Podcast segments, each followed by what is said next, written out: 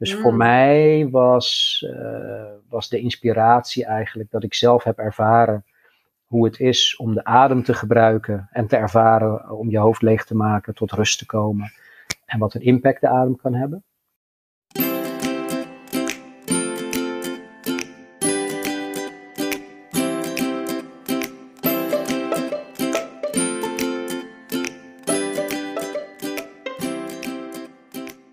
Leuk dat je luistert naar de Blooming Stories podcast. De podcast voor purpose-driven ondernemers die willen floreren in hun werk en hun leven. We delen alles in deze podcast, van hoe je een ijzersterke brandingstrategie neerzet tot de werking van je brein, van onze persoonlijke successen tot onze grootste struggles. Dit alles zodat jij kunt floreren elke dag.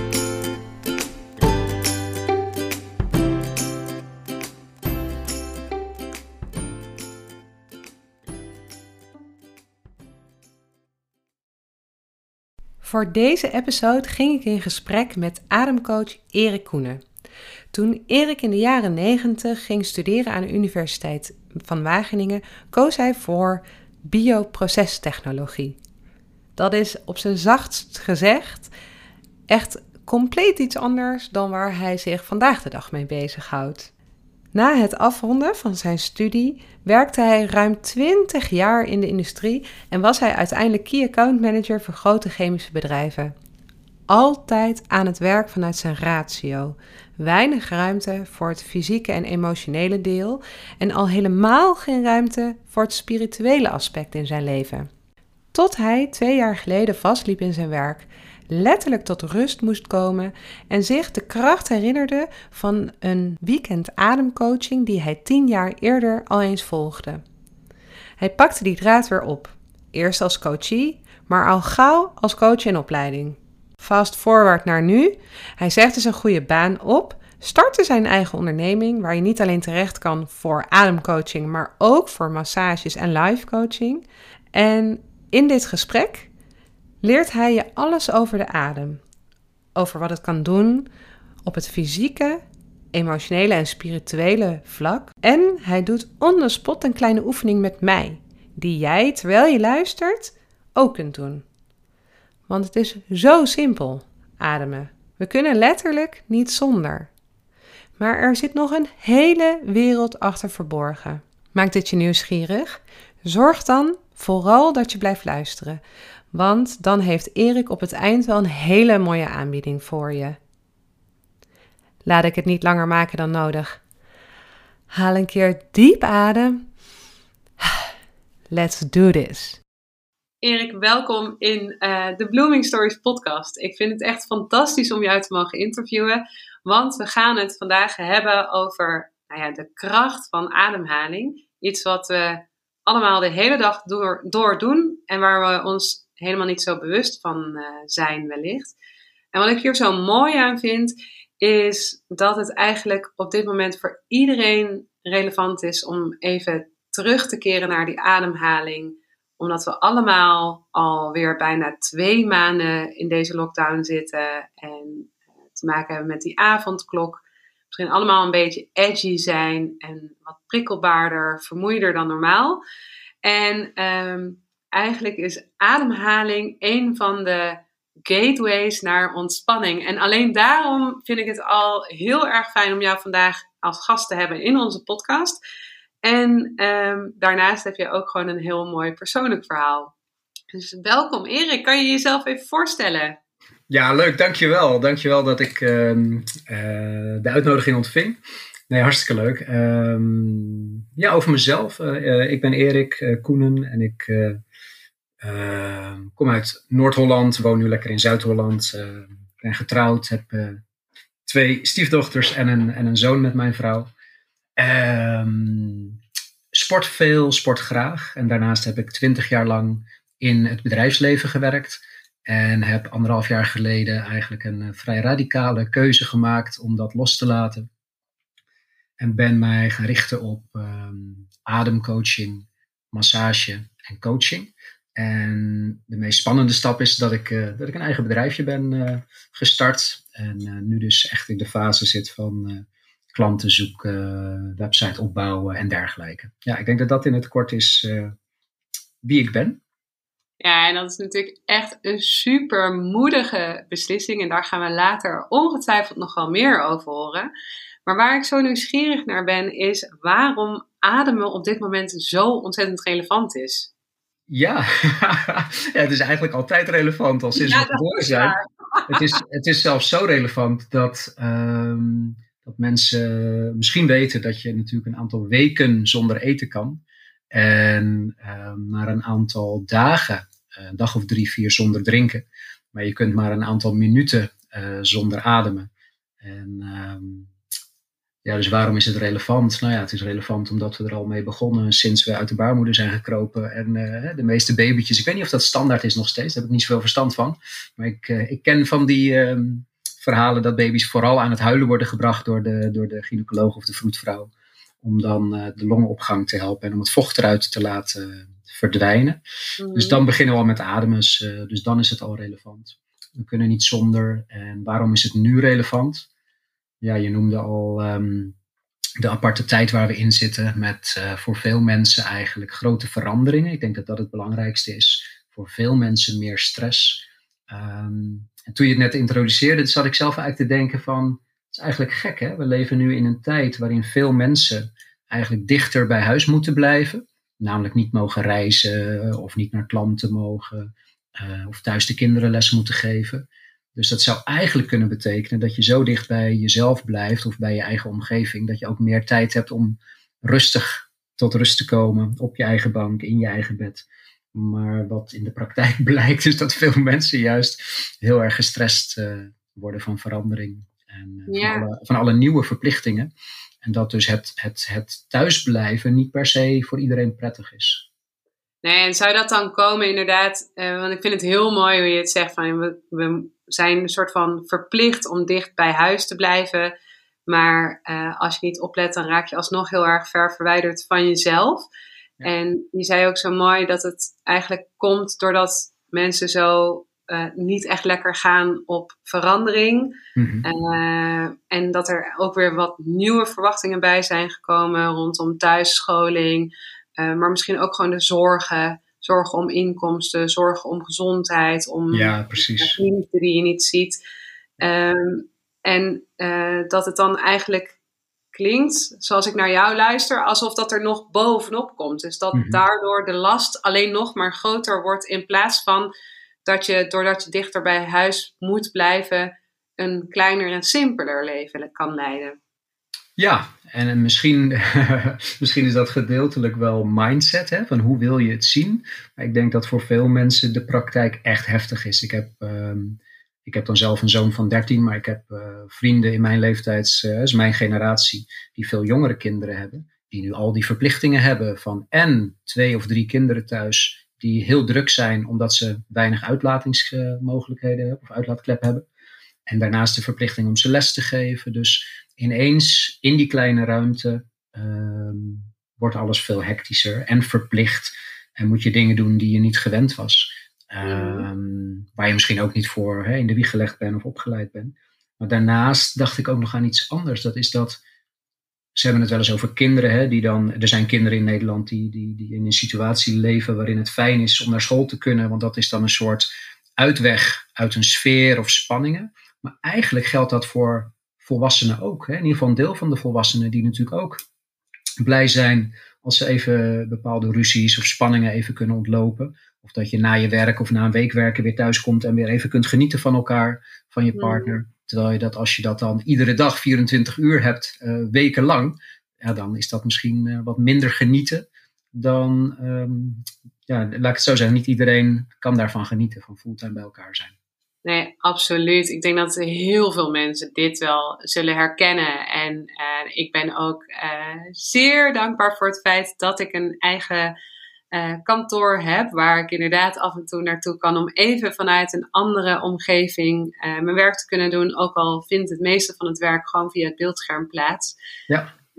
alleen al een andere omgeving en even niet bij elkaar in de ruimte zijn, maakt al dat het fijner is om daarna weer bij elkaar te komen. Verandering van spijs doet eten, zeggen ze toch ook? Zeker, zeker. Ja, en daartegenover staat natuurlijk ook nog weer dat er uh, ook een grote groep mensen juist uh, vereenzamen. En dat die eenzaamheid ook weer tot extra stress leidt. Ja. omdat gewoon het gebrek aan intermenselijk contact ervoor kan zorgen dat je lijfelijke systeem een beetje in de war raakt. Absoluut, absoluut. Ik zie dat bij mijn vader bijvoorbeeld. mijn moeder is overleden anderhalf jaar geleden. Mijn vader die keek wel uit na 19 jaar zorg voor haar gedragen te hebben als mantelzorger. Ze keek die uit naar rust, vrijheid en nou, wat, waar houdt hij van? Lekker fitnessen, lekker golfen en lekker bridgen. Ja, het enige wat nu nog mogelijk is, is golfen en de rest allemaal niet. Dus, dus hij uit ook echt eenzaamheid, hij heeft het daarover.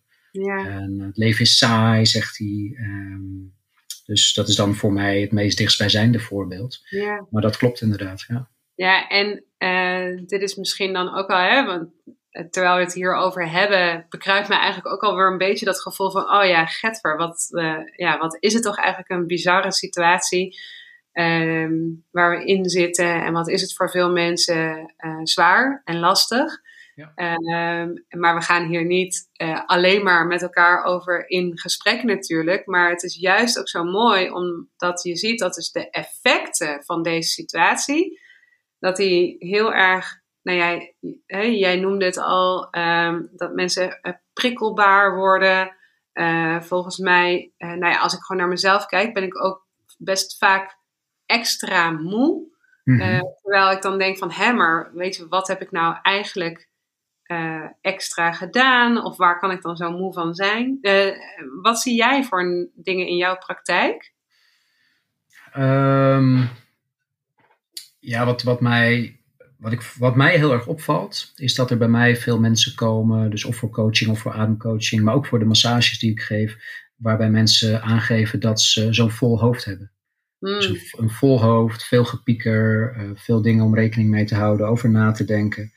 Um, soms zijn het angsten, maar dat, dat hoeft geen eens. Het kunnen ook gewoon praktische dingen zijn. De hele agenda zit altijd vol gepland. Um, allerlei dingen die moeten. Mensen klagen over het moeten. Ze ervaren zoveel moeten, willen dat graag loslaten. Um, maar een vol hoofd, dat is denk ik het belangrijkste wat ik tegenkom. Dat mensen zo graag, zo graag die, die gedachten, die malende gedachtenstroom zouden willen loslaten. Um, dat is een, voor mij een, een hulpvraag die ik veel tegenkom. Ja. ja. Hey, en uh, ja, ik introduceerde je natuurlijk al als ademcoach. En uh, je zei al van nou, we kunnen niet zonder. na slechts een paar minuten ja, ga je gewoon letterlijk dood als je niet ademhaalt. Ja. Maar ademhaling kan je ook echt daadwerkelijk helpen om hiermee om te gaan. En dat is wat mij zo mateloos interesseert. Dat iets wat we dus de hele tijd al doen, wat we echt nodig hebben om in leven te blijven, daarin kunnen we toch nog een heleboel veranderen, aanpassen. Hoe werkt dat? Ja, hoe werkt dat? Dat is een mooie vraag inderdaad. Ja, ja, je zei al dat je uren kon praten over ademcoaching. Ja, klopt. klopt. Ik, wilde ook zeggen, ik, ik, wilde ook zeggen, ik kan het op verschillende manieren uitleggen. Um, als ik kijk naar ademcoaching, hè, wat ik dan geef en wat ik heb geleerd, ik kan dat op minstens drie niveaus uitleggen. Het begint bijvoorbeeld bij de fysieke ademhaling. Hè. Hoe haal je technisch adem? Uh, daar kan ik over praten. Maar ik kan ook praten over het energetische of emotionele stuk, um, wat gepaard gaat met een goede of slechte ademhaling.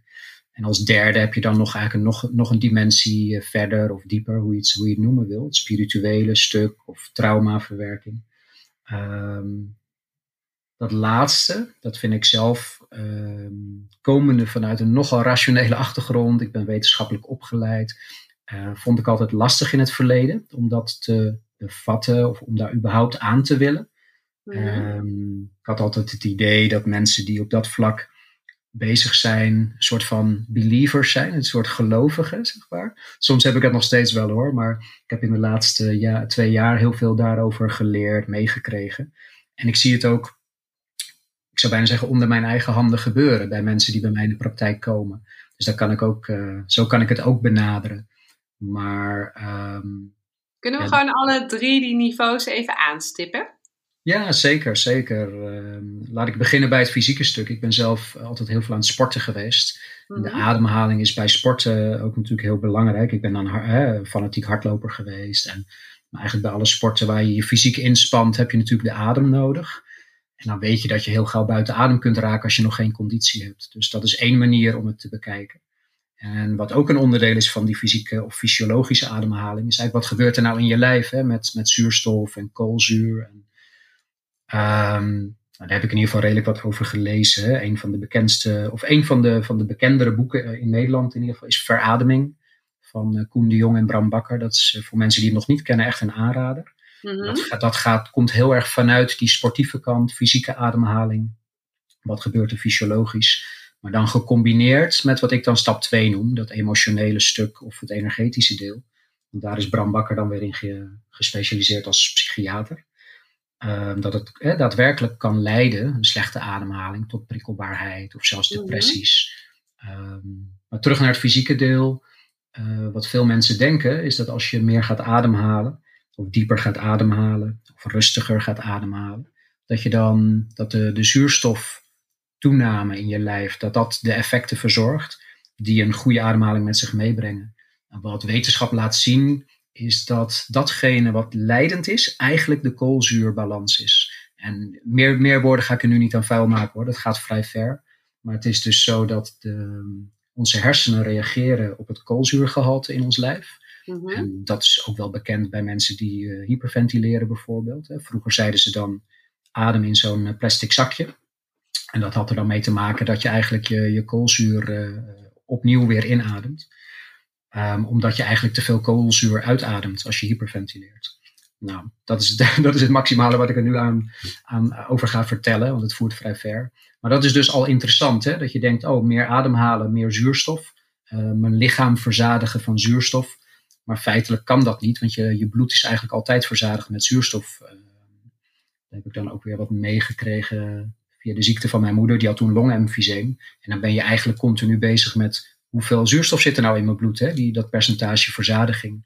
En dat is dan eigenlijk altijd nog relatief hoog. Mhm. Um, omdat het nou eenmaal in alle, in alle rode bloedcellen zit. Dus dat is het fysieke stuk. En in ademcoaching begint het daarmee. In ademcoaching ben ik als ademcoach iemand aan het begeleiden in een, in een sessie met uh, technisch een bepaalde ademhaling. Uh, dat noemen we dan de, de, uh, de verbonden ademhaling. Uh, aan het aanleren. Dat is dan een hele diepe en intense ademhaling. Mhm. Dat is weer wat anders dan wat bij sport uh, het beste past. En dat is ook weer wat anders dan wat nodig is als je graag wilt ontspannen bijvoorbeeld. Mhm. Dat begint dus met uitleggen van nou adem naar je buik of adem naar je borst of combineer dat. En dan uh, dieper of minder diep ademen. Dat is, dat, is, dat is laag 1 eigenlijk, het fysieke stuk. Als je dan daarna kijkt wat er gebeurt met mensen als, uh, als ze in zo'n ademsessie zitten, ja, dan komen daar heel vaak emoties vrij. Of hè? Het begint al met, met dat mensen kou of juist heel uh, warmte voelen in bepaalde Mhm. delen van hun lijf. Dat is ook het, het energetische stuk eigenlijk. Wat gebeurt er dan met je lijf? Wat er bij een ademsessie vaak gebeurt, is dat de handen en de voeten koud worden. En dat andere Ja. delen van het lijf juist weer heel warm worden. Dus dat is het energetische deel. Maar daarnaast komen er vaak emoties los bij mensen. Nou, dat is iets wat ik, waar ik heel nieuwsgierig naar was toen ik de opleiding ging doen. Omdat het me Mhm. intrigeerde. Ik vond het, ik vond het eigenlijk bizar dat eh, de docenten uitlegden dat er op, een, op een emotioneel vlak veel kan gebeuren met mensen in een ademsessie. Eh, ik kom daar niet zoveel mee in les 1 en 2. en uiteindelijk ga je dan oefenen met elkaar en op elkaar. En dan, dan gebeurt dat onder je handen. Het gebeurt voor je ogen eigenlijk. Dat Ja. mensen voelen dat, ze, dat, ze, dat er emoties opkomen. Sommige mensen kunnen het ook heel letterlijk benoemen. Dat ze dingen voor zich zien eh, die ze dan of kunnen loslaten. Of die juist vroeger heel intens waren en die ze nu herbeleven. Nou, dat zijn dingen die hoeven niet, die moeten niet. Het is ook geen doel op zich van ademcoaching, maar dat is wel wat er vaak gebeurt. En dat, ja, dat noem ik dan eh, een soort van stap 2 of dimensie 2. Ja, nou waar ik nieuwsgierig naar ben, is dat jij aangaf eh, dat ehm, ja, op dat tweede niveau, dat eh, het emotionele stuk, dat dat niet per se een eh, doel is voor mensen die bij jou in coaching komen. En dat maakt mij meteen wel nieuwsgierig, want hoezo is dat niet het doel en wat is het doel dan wel van ademcoaching? Ja, precies. Nee, ik denk dat ik daar een beetje dat dat verwarrend is. Want er zijn wel degelijk mensen die bij mij, die eigenlijk mensen die meer weten van ademcoaching en daarvoor komen, die komen wel degelijk voor dat doel. Die willen juist graag op het gevoelstuk of het emotionele stuk aan de slag. Wat ik meer bedoel is dat er ook klanten zijn die nieuwsgierig zijn en nog een mhm. weinig weten van ademcoaching. En dan um, is het misschien mijn eigen overtuiging wel dat het dan ook kan afschrikken als ik te veel nadruk leg op het spirituele stuk of het emotionele stuk. Dan zijn er mensen die, uh, die juist eigenlijk liever het fysieke stuk willen horen of willen hebben over ontspanning in het algemeen, het hoofd lekker leegmaken. Mm. Dus dat is eigenlijk wat ik bedoelde. Dus nee, het is wel degelijk ook een doel, maar dan met name voor mensen die al weten waar het over gaat. Of wat, of wat het resultaat kan zijn van een ademcoaching. Als ik daarnaar kijk, hè, dan, ik bedoel, er zijn klanten die benoemen alleen maar dat ze een soort gelukzalig gevoel overhouden. Dat is wat ik uh, herken. Ik heb zelf nooit drugs gebruikt, maar wat ik herken van mensen die zeggen: joh, als ik een pilletje heb genomen, dan wil ik de hele wereld knuffelen. Um, dat heb ik zelf bijvoorbeeld ook meegemaakt in een ademsessie. Dat ik eruit kwam en dat uh, de wereld een stuk mooier was en dat ik uh, een en al liefde voelde, zeg maar. Mm. Um, dus zo simpel kan het zijn. Hè? Uh, tot, aan, tot aan klanten die of heel emotioneel worden tijdens een sessie. dan bedoel ik, hè, dat is niet het doel op zich, maar dat gebeurt dan gewoon.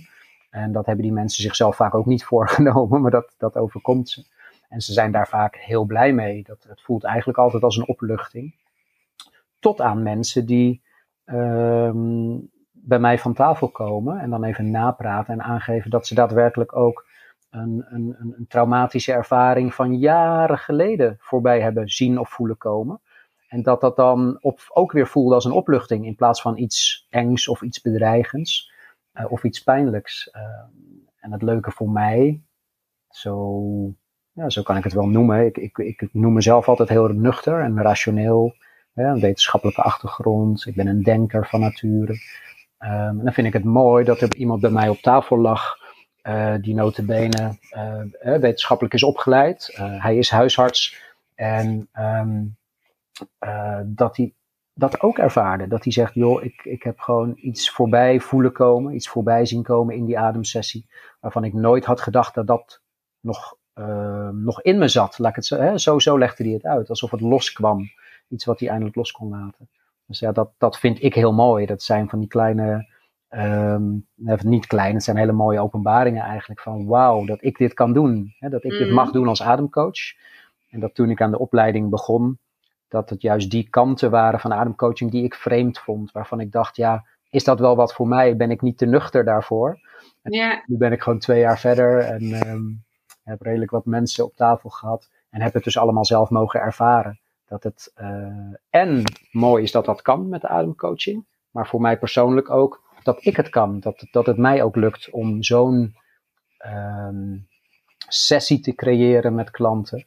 Dat ze, dat ze, dat ze stappen kunnen zetten, um, dat ze dingen kunnen loslaten. En dat ze dingen ervaren die zo persoonlijk zijn, zo intiem. En nou ja, dat ze dat, dat, dat ze dat mee mogen maken en dat ze dat met mij willen delen. Dat is echt fantastisch. Nou ja, dit uh, vind ik eigenlijk al uh, heel mooi klinken. Dat, dat dus door middel van ademhalingsoefeningen, zo kan ik het denk ik het beste uh, noemen. Ja. Of de beoefening van een bewuste ademhaling. Dat je daarmee dus, wanneer het kan, om het zo maar te zeggen, dus echt zelfs trauma's kan aanraken, maar dat het dus eigenlijk ook op een hele zachte manier dan gaat. Is dat dan ook meteen het spirituele niveau waar je het over had? Of is, het, uh, is dit nog allemaal op dat meer emotionele stuk? Nou, dat, dat is een soort scheidsvlak. Hè? Wat, wat voor de ene persoon heel spiritueel lijkt, is voor de andere misschien een emotioneel stuk. Dus het, het gaat eigenlijk geleidelijk in elkaar over. Mm -hmm zelf ben ik niet per definitie heel spiritueel, hè, maar wat ik wel weet is dat er ook mensen zijn die kunnen uh, beschrijven dat ze in contact komen met vorige levens. En of dat dan herinneringen zijn of gevoelens. Of, hè, er zijn ook mensen die beschrijven dat ze uit hun lichaam treden, bijvoorbeeld. Um, en dat heb ik in de opleiding ook veelvuldig gehoord. Hè, van mensen die vertellen dat hun klanten dat beleven. Of uh, cursusgenoten die dat zelf ervaren, geheel of gedeeltelijk.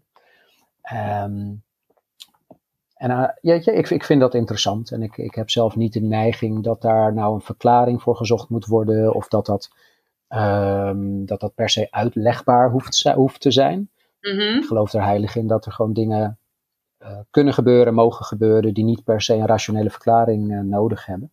Zo, zo kijk ik er nu tegenaan. En een van de leuke dingen die ik heb meegemaakt als ademcoach is dat een, een, een, een oud collega van mij, een leidinggevende, die in een, in een diepe burn-out zit, die kwam bij mij meerdere sessies voor ademcoaching. En bij de allereerste, oh, en dan wil ik er ook nog bij vertellen dat het een van de nuchterste personen is die ik ken. um, en, en, lastig bij zijn gevoel kan komen. Dat hij in de eerste ademsessie ervaarde, in het midden van de sessie, dat zijn benen leken te zweven. Dus dat zijn benen gewichtloos leken te worden. En in plaats van wat mijn, wat mijn nuchtere kant dan gelijk zei, oeh, oeh, wat spannend, oh, wat, wat, dat zal hij misschien wel eng hebben gevonden, beschreef hij juist dat hij tijdens de sessie hoopte dat zijn hele lichaam gewichtloos zou worden. En, en dat gebeurde dan niet, dus dat was dan jammer. En het bijzondere van ademsessies is ook dat de ene ademsessie en hoe je dat beleeft, dat garandeert niet hoe je het een volgende keer beleeft. Dat kan best wel weer een hele andere eh, intensiteit hebben of, of ervaring zijn. Um, maar dat vond ik mooi, dat iemand die zo nuchter is en dat voor de eerste keer deed, dan iets best wel heel bijzonders ervaart. Um, ja, ik bedoel, je zou bijna kunnen zeggen dat is letterlijk zweverig, als je benen lijken te gaan zweven. um, maar dat, ja, dat vind ik mooi. Dat vind ik mooie, mooie anekdotes. En uh, die ervaringen zijn heel bijzonder voor, voor, voor mensen. Als, ja, dat hebben ze nooit eerder meegemaakt. Ja, ja en wat uh, ik hier dan zo mooi aan vind, want nou, ik vind dit hele onderwerp echt razend interessant. En enerzijds ook uh, vanuit, nou ja, inderdaad het stukje wetenschap en wat gewoon meetbaar is. Hè, dat het fysiologisch gewoon goed is om uh, op ademhaling te letten en daarmee te werken. Wat je ook al zei, van, nou dat is dat eerste niveau, om het zo maar te ja. zeggen. Echt het fysieke stuk. Het doet daadwerkelijk wat met je. En uh, ik heb natuurlijk een achtergrond in uh, uh, psychologie en ik ben echt mateloos geïnteresseerd in wat dat brein allemaal wel niet kan doen. En of je nou heel spiritueel onderlegd bent of niet, ik denk dan zelf altijd juist heel erg, moet je kijken hoe mooi die hersenen zijn. Dat, dat, ja. dat het gevoel van zweven, het gevoel van uit je lichaam treden, het kunnen laten uh, loslaten van trauma's, dat dat dus allemaal kan door met ademhaling en die fysiologische dingen waarvan je zei, nou dat gaat eigenlijk te ver voor in deze podcast om dat allemaal uit te leggen. Uh, maar daar heeft het mee te maken, met dus eigenlijk die balans van uh, koolzuur en, en, de aandacht die je eraan kan geven, wat je in je brein activeert en ja, wat dat betreft vind ik dit echt heel erg interessant. En ik vind het ook mooi om te horen dat jij zegt van het maakt mij niet zoveel uit op welk niveau er wat gebeurt. En mm -hmm. zo moet je zelf ook zo'n sessie ingaan. Ja. ja. En openstaan voor wat er komt. En dat dan zo'n super nuchtere uh, man die heel diep in een burn-out zit, hier eigenlijk al zijn, tijdens zo'n eerste sessie dan baat bij heeft. Uh, dat is echt heel erg uh, waardevol, denk ik. Ja, ja zeker. zeker. Hey, en je zei ook, hè, want zo'n zo'n man als dit, die kan, kon dus heel lastig bij zijn gevoel. Mm -hmm. uh, en vervolgens was bij hem dus ook wat er bereikt werd, dat hij dus een fysieke gevoelservaring had. Namelijk dat, zijn, dat hij zijn benen niet meer echt, uh, dat die leken te zweven. Ja. Maar uh, ja, wat, wat zie jij verder? Want dat, op dat emotionele ge gebied, als we dan weer even linken naar die prikkelbaarheid en die stress, en dan is niet alleen ontspanning wat je wil bereiken, maar. Ja, um, ja wat ik net al zei, het, het verschilt per sessie. Dus als, als, als een klant bij mij vijf, zes, zeven sessies komt, dan is geen enkele sessie gelijk. En het verschilt per per mens, per klant eigenlijk, wat men, wat men ervaart en waarvoor men komt natuurlijk. Ja. Um, het mooiste is misschien eens om, om, om het gewoon te hebben over hè, dat, dat, en dan niet één specifieke klant, maar als ik in het algemeen zeg één klant komt, hè, ik, heb, ik heb een klant in gedachten, die is meerdere malen geweest en die kwam eigenlijk steeds meer in zijn lichaam, hè, steeds meer in contact met, met zijn lichaam. Dat was ook een, een man, weer een andere, andere man. Mm. Um, uh, toevallig, of misschien juist niet toevallig, ook, ook een flinke burn-out. Maar iemand die ook heel rationeel is en eigenlijk heel moeilijk ook over bij zijn eigen gevoel kan en ook moeilijk over gevoel praat. En daar heb ik eigenlijk een evolutie gezien richting iemand die ondertussen ehm, met heel veel plezier over zijn gevoel praat. Dus het niet alleen kan, maar daar ook heel veel. Um... Waarom is het zo belangrijk dan dat mensen uiteindelijk. Uh, hè, dus wat levert het ze op als ze. Uh, middels dan bijvoorbeeld een ademcoaching. Uh, maar ik weet dat jij ook reguliere coaching doet en ook een massage. Dus je kan eigenlijk een soort van voor een heel palet bij jou terecht. Maar waarom is het zo belangrijk dat mensen wat meer in hun lichaam komen en ook beter bij emotie kunnen? Want je hoort het heel veel, maar waarom is het zo belangrijk? Wat ik ervaar en wat ik zie, en maar ook van mezelf weet, is dat het heel veel rust geeft. Omdat je eigenlijk, mm. je komt dichter bij jezelf. Uh, als ik het mensen laat beschrijven wat ze ervaren of wat ze voelen, uh, als ze nog niet zo ver zijn, dan beschrijven ze vaak dat ze een vol hoofd hebben, vol met hectische gedachten. Een soort waterval van gedachten. En dat gebeurt bij mensen vaak op het niveau van het hoofd. Hè. Als, je het, als je het menselijk lichaam bekijkt, gebeurt het op het niveau van het hoofd of boven het hoofd. Dat je eigenlijk buiten jezelf bent steeds. En dus niet in contact met jezelf. Nou, eh, twee jaar geleden zou ik, wat ik nu zelf zeg, al zweverig hebben gevonden. Maar dat is, dat is wat ik zie gebeuren. Dat is wat ik zie gebeuren. Hmm. Ehm, een, voorbeeld daarvan is ook wel leuk misschien om toe te lichten. Dat bij de, bij de ademcoaching um, laat ik mensen niet alleen ademen, maar ik gebruik mijn handen op het lichaam van de klant om ze bijvoorbeeld daar naartoe te laten ademen.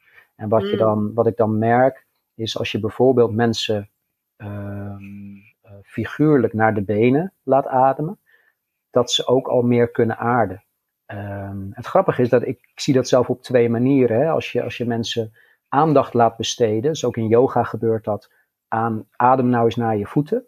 Ongeacht of dat kan fysiek, hè. Dat, dat is natuurlijk raar, want je longen zitten in je borst. Maar als je in gedachten gaat ademen naar je voeten, dan kun je, als je het echt goed doet en echt daar geconcentreerd op bent, kun je niet tegelijkertijd ook aan het denken zijn in je hoofd. Dat is eigenlijk het simpelste wat er gebeurt. Dat je mensen uit hun mm. hoofd haalt en laat stoppen met denken en laat focussen op iets anders.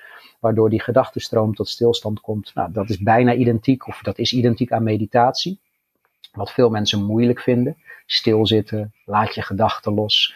Hè, focus op je benen, benen, focus op je ademhaling. Maar dat is ook een stuk van ademcoaching. Het, uh, het fysieke aspect met drukpunten of aandacht geven aan bepaalde lichaamsdelen terwijl wij hierover praten, ga je natuurlijk al automatisch met je aandacht wat meer naar je ademhaling toe. En mm-hmm. realiseer ik me van, hé, hey, hoe zit ik hier nou eigenlijk op deze stoel? En voelt het effect eigenlijk nu al. En dat terwijl we niet eens uh, iets aan het doen zijn uh, op dat uh, gebied van ademcoaching. Ja, dat is grappig. En dat kan ook heel irritant zijn, weet ik van verschillende mensen. Ik was, uh, ik heb een grappige anekdote. Ik was, bij, uh, ik was uitgenodigd bij de personeelsafdeling van een uh, commercieel bedrijf.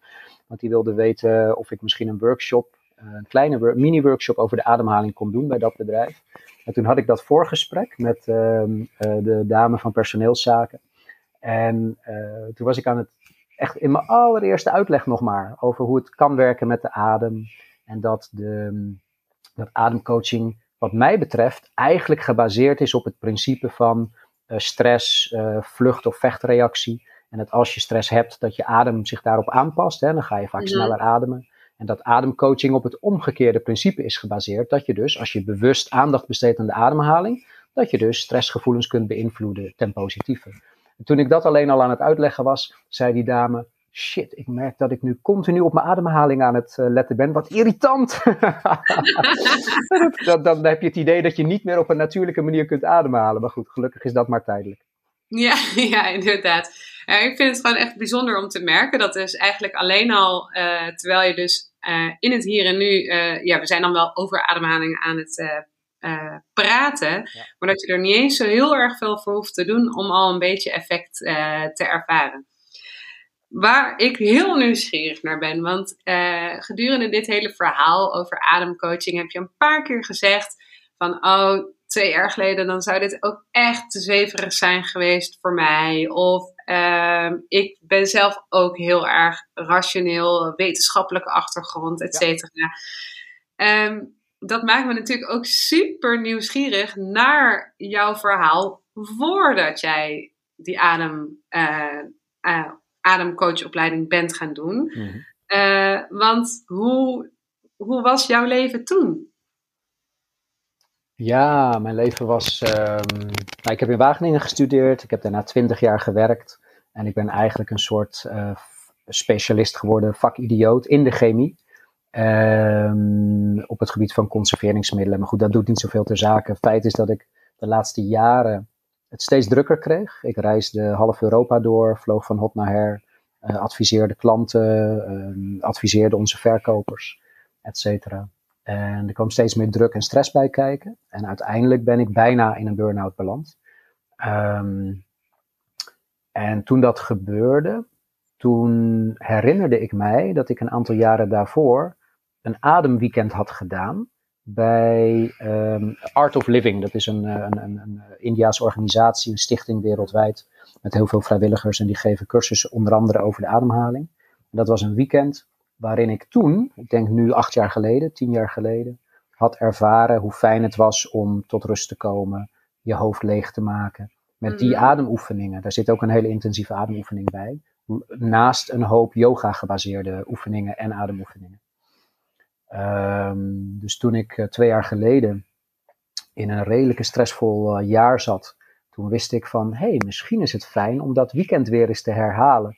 Maar ik zat ondertussen zo, ja, zo diep in de stress dat ik eigenlijk zelfs de energie niet had om even op internet te kijken wanneer dat zou zijn.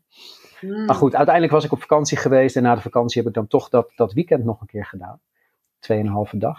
En toen heb ik ervaren hoe fijn het is, um, ja, wat ik net al zei, hoofd leegmaken. Na dat weekend voelde ik me weer soort van herboren. Maar goed, toen ik weer in de stress kwam van het werk, uh, ja, clash je dat nogal. Dus ik heb uiteindelijk besloten om uh, mijn werk achter me te laten. Ik kwam ook nog op het pad van iemand die zelf een kleine workshop gaf. Die workshop heb ik meegedaan over de adem. En die dame die had de opleiding gevolgd tot ademcoach. En dat inspireerde mij om deze opleiding te gaan doen in Leiden bij Annette Weers. Uh, iemand die dat al twintig jaar doet, twintig jaar uh, ademsessies geeft en, en, en mhm. mensen opleidt. Um, ja, en dat was een opleiding van, van tien lesdagen Waarbij ik ja, echt, uh, van, echt zulke mooie dingen heb meegemaakt. Dus voor mm. mij was, was de inspiratie eigenlijk dat ik zelf heb ervaren hoe het is om de adem te gebruiken en te ervaren om je hoofd leeg te maken, tot rust te komen. En wat een impact de adem kan hebben. Ik heb ook na die, eh, die ademweekenden die ik noemde, heb ik ook wel bijvoorbeeld één of twee maanden lang iedere ochtend uh, pittige ademoefeningen gedaan. Waarbij je ook in een soort van um, ja, meditatieve staat uh, komt te verkeren. Dat heel mhm. veel rust geeft. Dus dat maakte dat ik heel erg geïnteresseerd was. En ik heb dan um, in mijn hele opleidingsachtergrond ook heel veel biologie en chemie en fysiologie gehad. Dus daar komt ook wel heel veel uh, wetenschappelijke of kennisinteresse vandaan.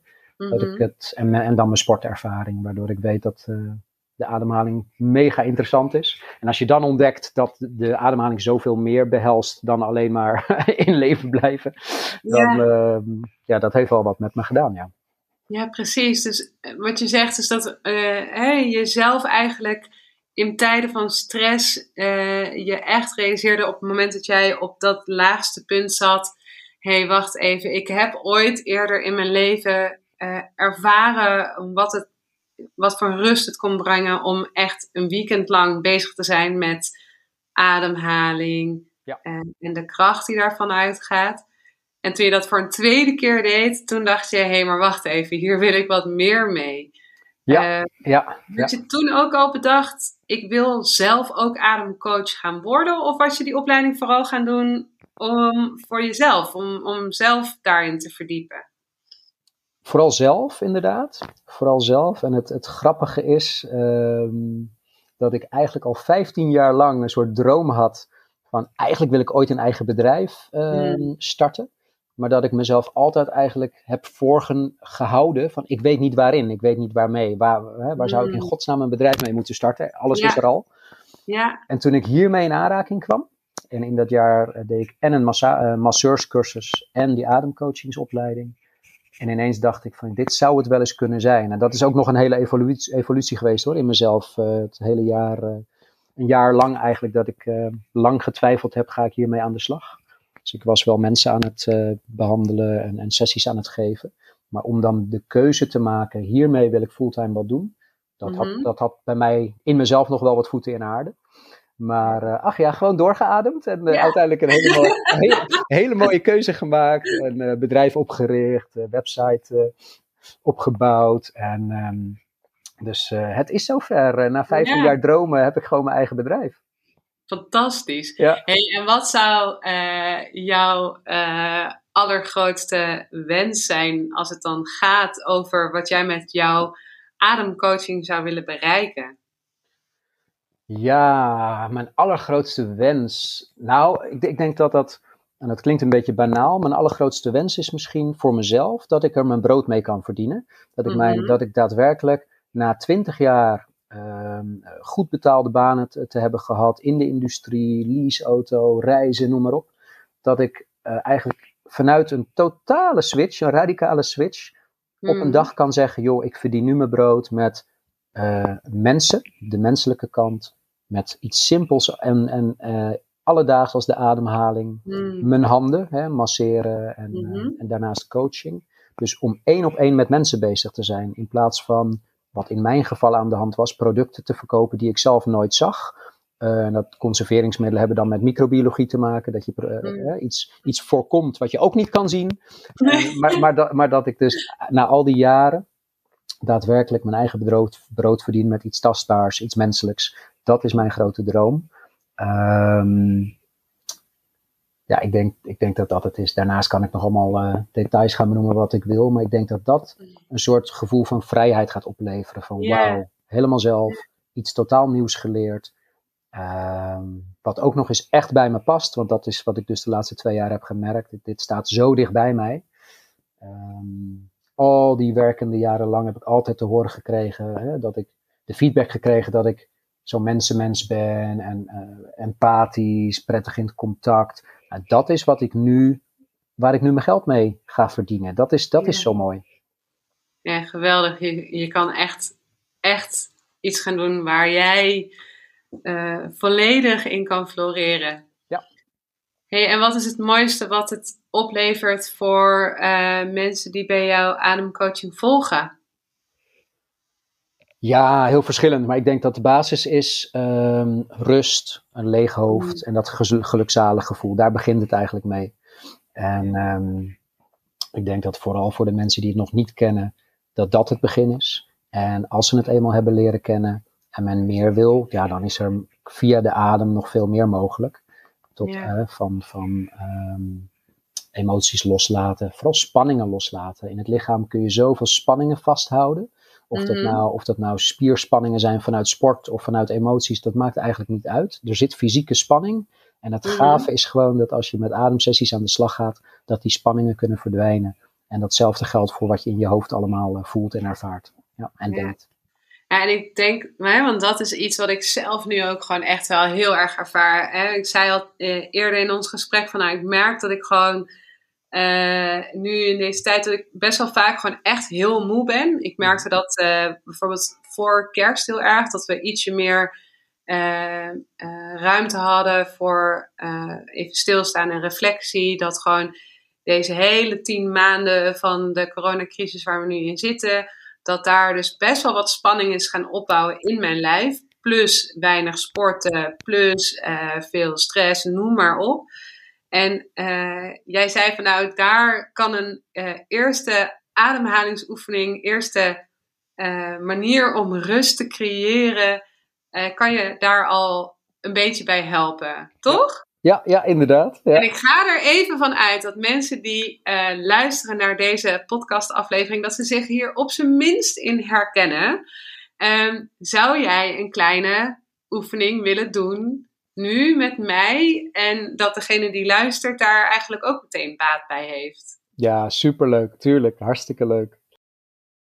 Nou, mooi. hey, maar uh, dus of mensen dit nu uh, luisteren terwijl ze aan het uh, wandelen zijn, want als ik zelf kijk naar wanneer ik podcast aan het luisteren ben, dan ben ik heel vaak aan het wandelen of ben ik aan het strijken of iets anders aan het doen. Ja. Ehm, kan je deze oefening doen terwijl je iets aan het doen bent, of kan je het beste even stilstaan, zitten, liggen? Het kan beide. Uh, ultiem is als je uh, kunt zitten of liggen, omdat je dan je ogen even dicht kunt doen. Dan kun je in ieder mm. geval een aantal impulsen van alles wat je ziet, kun je al even buitensluiten. Dat geeft de meeste rust en de snelste rust. Uh, wandelend kan ook, maar dan zou ik aanraden om de ogen open te houden. ja, dus, uh, en dan, en dan, dan is het alleen de ademhaling die zijn werk doet. Ja. Maar als je je ogen dicht doet, dan heb je nog even een, uh, sluit je nog even één dimensie af van al die indrukken. En dan, um, wat we gaan doen, wat ik, met je, waar, ik, waar ik jullie in meeneem, is een van de allersimpelste en uh, ja, eenvoudigste ademoefeningen die iedereen kan. En dat is eigenlijk alleen maar het tellen van de ademhaling, het vasthouden. Dus het is eigenlijk een aantal seconden in, dan vasthouden van de adem, daarna een aantal seconden uit. Maar dat is het dubbele aantal van de inademing. Dus stel je, je adem drie of vier seconden in, dan adem je later na het vasthouden, adem je zes of acht seconden uit. En daarna hou je het weer een paar seconden vast. Dus de oefeningen waar ik je in ga meenemen is vier seconden in, vier seconden vast, acht seconden uit en vier seconden vast. En daarna weer terug naar vier seconden in, vier seconden vast, acht seconden uit, vier seconden vast. Dus daarin ga ik je begeleiden met mijn stem. Um, ja, en uh, iedereen mag meedoen. En dan ben ik heel benieuwd daarna van wat je ervaart. Dus eigenlijk het enige wat je hoeft te doen is ogen dicht en voelen en ademen. Ja, okay. Ik neem je mee. Je mag uh, inademen op mijn telling 4, 3, 2, 1 en 4 vast. 3, 2, 1 en 8 uit. 7, 6, 5, 4, 3, 2, 1 en 4 vast. 3, 2, 1 en 4 inademen. 3, 2, 1 en 4 vast.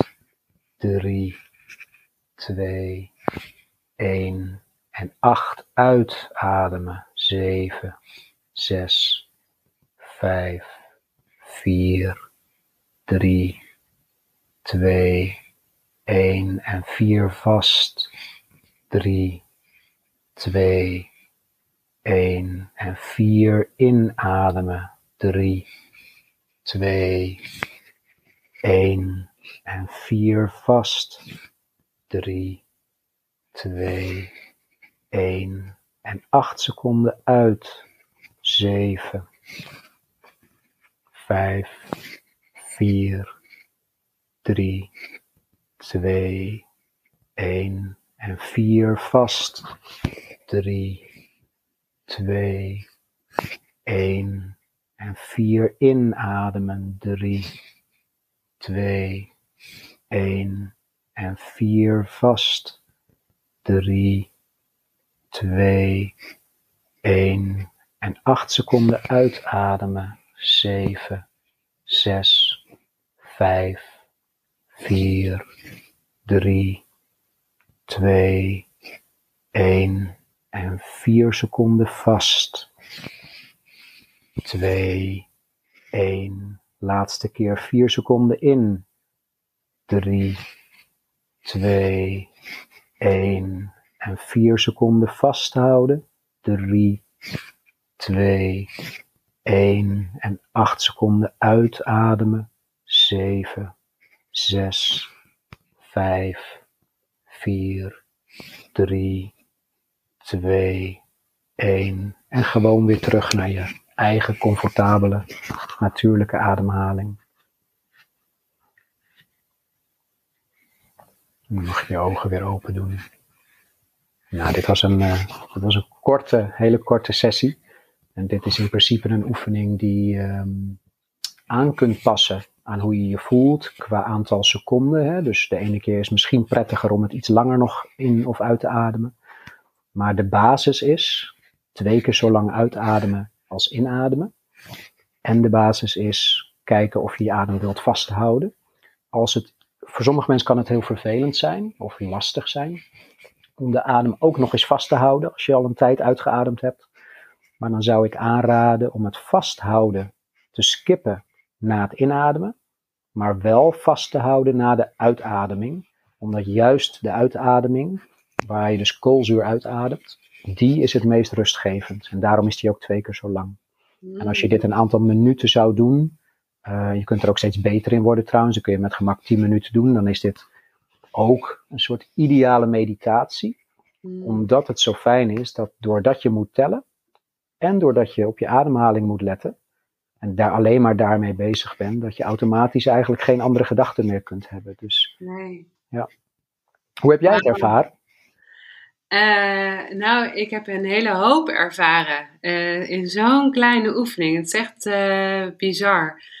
Ten eerste ehm, ervoor ik wel meteen hoe fijn en rustgevend jouw stem al is. Dus de manier waarop je het begeleidt maakt al dat ik onwijs veel rust ervaar. Um, en want ik heb uh, al veel yoga gedaan en ook ademhaling en ook meditatie. Ik ben echt bij een zen plek in Rotterdam heb ik veel meditatie ook beoefend in groepen en zo. Dus mm ik ben hier, zeg maar, met focus op ademhaling, daar ben ik wel aan gewend. En wat ik nu realiseerde was, jeetje, het is misschien nogal een stukje erger gesteld met mij dan ik dacht. Want het lukte mij gewoon niet om acht seconden uit te ademen. Nee, nee. Uh, ik ging stiekem ik ging cheaten. niet omdat ik dat wilde, maar omdat ik niet anders kon. Um, dus ik merkte dat ik telkens hele kleine ademhaling, dus inademingetjes wel deed. Terwijl ik aan het uitademen was. Ja, ja. Nee, dat klopt. En dat is ook wat ik bedoel met dat aanpassen. Hè? Dat mensen, zeker, zeker als het lastig is, dan is het veel mm. fijner om te beginnen met vier in, vier vast, vier uit, vier vast. Of, mm. één, of één van de dingen te skippen van vast te mm. houden. Um, en dan de uitademing, naarmate je meer oefening hebt uh, gehad, om de uitademing te verlengen. Want dat is wel de bedoeling, dat de uitademing langer wordt dan de inademing. Maar inderdaad, dat kan best een uitdaging zijn ja, als je er niet, uh, niet ja, aan gewend bent. En zegt het dan ook iets over de uh, staat waarin je verkeert, om het zo maar te zeggen? Ja, absoluut. En dat ga je ook, ook omgekeerd merken. Als je er steeds beter in wordt, of je zou het even een tien minuten, een kwartier oefenen dan merk je mm. eigenlijk in die 10 minuten al dat je er steeds beter in wordt. Dus dat cheaten wordt dan steeds minder nodig. En, en uiteindelijk uh, zal voor de meeste mensen gelden uh, dat ze zich rustiger gaan voelen. En dat heeft dan met name te maken met het effect van de adem, plus het feit dat je hoofd eigenlijk niks anders kan doen dan tellen en, uh, en mm. ademen. Dus je komt automatisch ook daardoor wel tot. tot ja, want dat heb ik wel ook echt heel erg ervaren. Hè? Dus los van het feit dat ik merkte aan mezelf jeetje, uh, ben ik dan toch uh, um, gestrester of vermoeider dan ik denk, dat het daardoor me niet lukt om echt daarin mee te gaan. Dus dat ik een soort van geneigd was om dus toch heel oppervlakkig die ademhaling dan toch uh, te blijven doen. Ja. Maar wat ik wel merkte was dat ik dus inderdaad even met niks anders bezig kon zijn dan met die ademhaling. En dat ik meteen ook een soort van andere uh, lichamelijke sensatie had. En nou ja, goed, ik ga er dan ook meteen dingen bij, bij zien. uh, dus ik, ik merk aan mezelf dat ik een andere vorm krijg. Maar goed. dat, dus, papa? Nou ja, een soort van. Nee, ja, maar dat is meer hoe, hoe kennelijk mijn uh, geest werkt. Want als ik iets met ademhaling doe, dan heb ik heel snel dat ik uh, beelden ga zien en dingen ga ervaren. Uh, dat is misschien even voor een andere podcast-aflevering interessant. Maar uh, nee, ik merkte dus wel heel erg dat meditatieve effect van zo'n kleine mini-oefening. Mm -hmm, Ik ben eigenlijk ook wel heel erg nieuwsgierig naar wat het nog meer voor je kan doen. En ik zou je stiekem willen vragen of je misschien een audio-opname ehm, kunt maken van zo'n uitgebreidere ademsessie, die wij dan vervolgens weer kunnen delen met onze luisteraars en volgers. Ja, gaaf. Heel leuk. Ja, dat doe ik heel graag, tuurlijk. Ja? Ja, ja zeker. Dat, uh, yes. Gaan we binnenkort mee beginnen. Ja, die gaan we toevoegen. Mooi. Nou, dat lijkt mij een heel mooie afronding van dit, uh, van dit gesprek. Van dit razend interessante interview, gesprek over zoiets uh, simpels als ademhalen. Ja. Dankjewel. Zijn er nog dingen waarvan je denkt van, oh, die wil ik nu nog even gezegd hebben? Of vragen die ik had moeten stellen die ik niet heb gesteld? Ehm, nou, wat ik, wat ik in ieder geval, wat mij te binnen schiet, is dat ik het heel leuk zou vinden om, uh, om jullie luisteraars, om die um, een, een, een, een ademsessie, een eerste ademsessie bij mij aan te bieden voor de helft van de prijs. Dus dat, uh, dat wil ik in ieder geval aanbieden. Voor alle mensen die nu luisteren. Want als je helemaal geluisterd hebt, drie kwartier naar, uh, naar dit verhaal, dan ben je, ben je vast wel geïnteresseerd in ademen. of in een ademsessie. Oh, mooi. En dan uh, gaan we zorgen dat uh, de informatie daarover in de, de outro van de aflevering terechtkomt. En dat mensen via de show notes de informatie nog terug kunnen vinden hoe ze daarbij kunnen komen. Ja. Wat een mooi aanbod. En als mensen jouw graag uh, willen contacten, volgen, noem maar op, waar kunnen ze dan terecht? Ja, dan kan ik het beste verwijzen naar mijn website, kersverse website, uh, tactiel.nl. En tactiel, dat heeft met aanraken te maken. Tactiel wordt in dit geval geschreven met een Q. T-A-Q-T-I-E-L.nl. Nou, mooi, fantastisch. Dankjewel voor je inspirerende gesprek. En uh, ik kijk heel erg uit naar uh, die ademsessie die we kunnen aanbieden aan alle luisteraars om zelf te doen. Dankjewel. Heb jij ook zo genoten van deze podcastaflevering en kan je niet wachten om hiermee aan de slag te gaan? Ga dan naar bloomingstories.nl/slash adem. Daar kan je gratis een 10 minuten ademoefening beluisteren die Erik speciaal voor ons heeft ingesproken. En hier vind je meteen ook de link naar de website van Erik, waar je een eerste sessie met 50% korting kunt boeken. Je gaat dan anderhalf uur echt de diepte in. Of het nu voor fysieke ontspanning, emotioneel loslaten of spirituele ontwikkeling is, het is echt geweldig. Ik heb het zelf laatst ook mogen ervaren en het is echt een hele bijzondere sessie geweest. Hey, dankjewel voor het luisteren. En mocht je ons nou echt willen helpen, maak dan een printscreen van deze episode en deel hem in je Instagram stories en tag Blooming Stories. Of ga naar Apple Podcast en laat daar een rating en review achter, zodat wij nog meer mensen kunnen inspireren. Let's bloom together.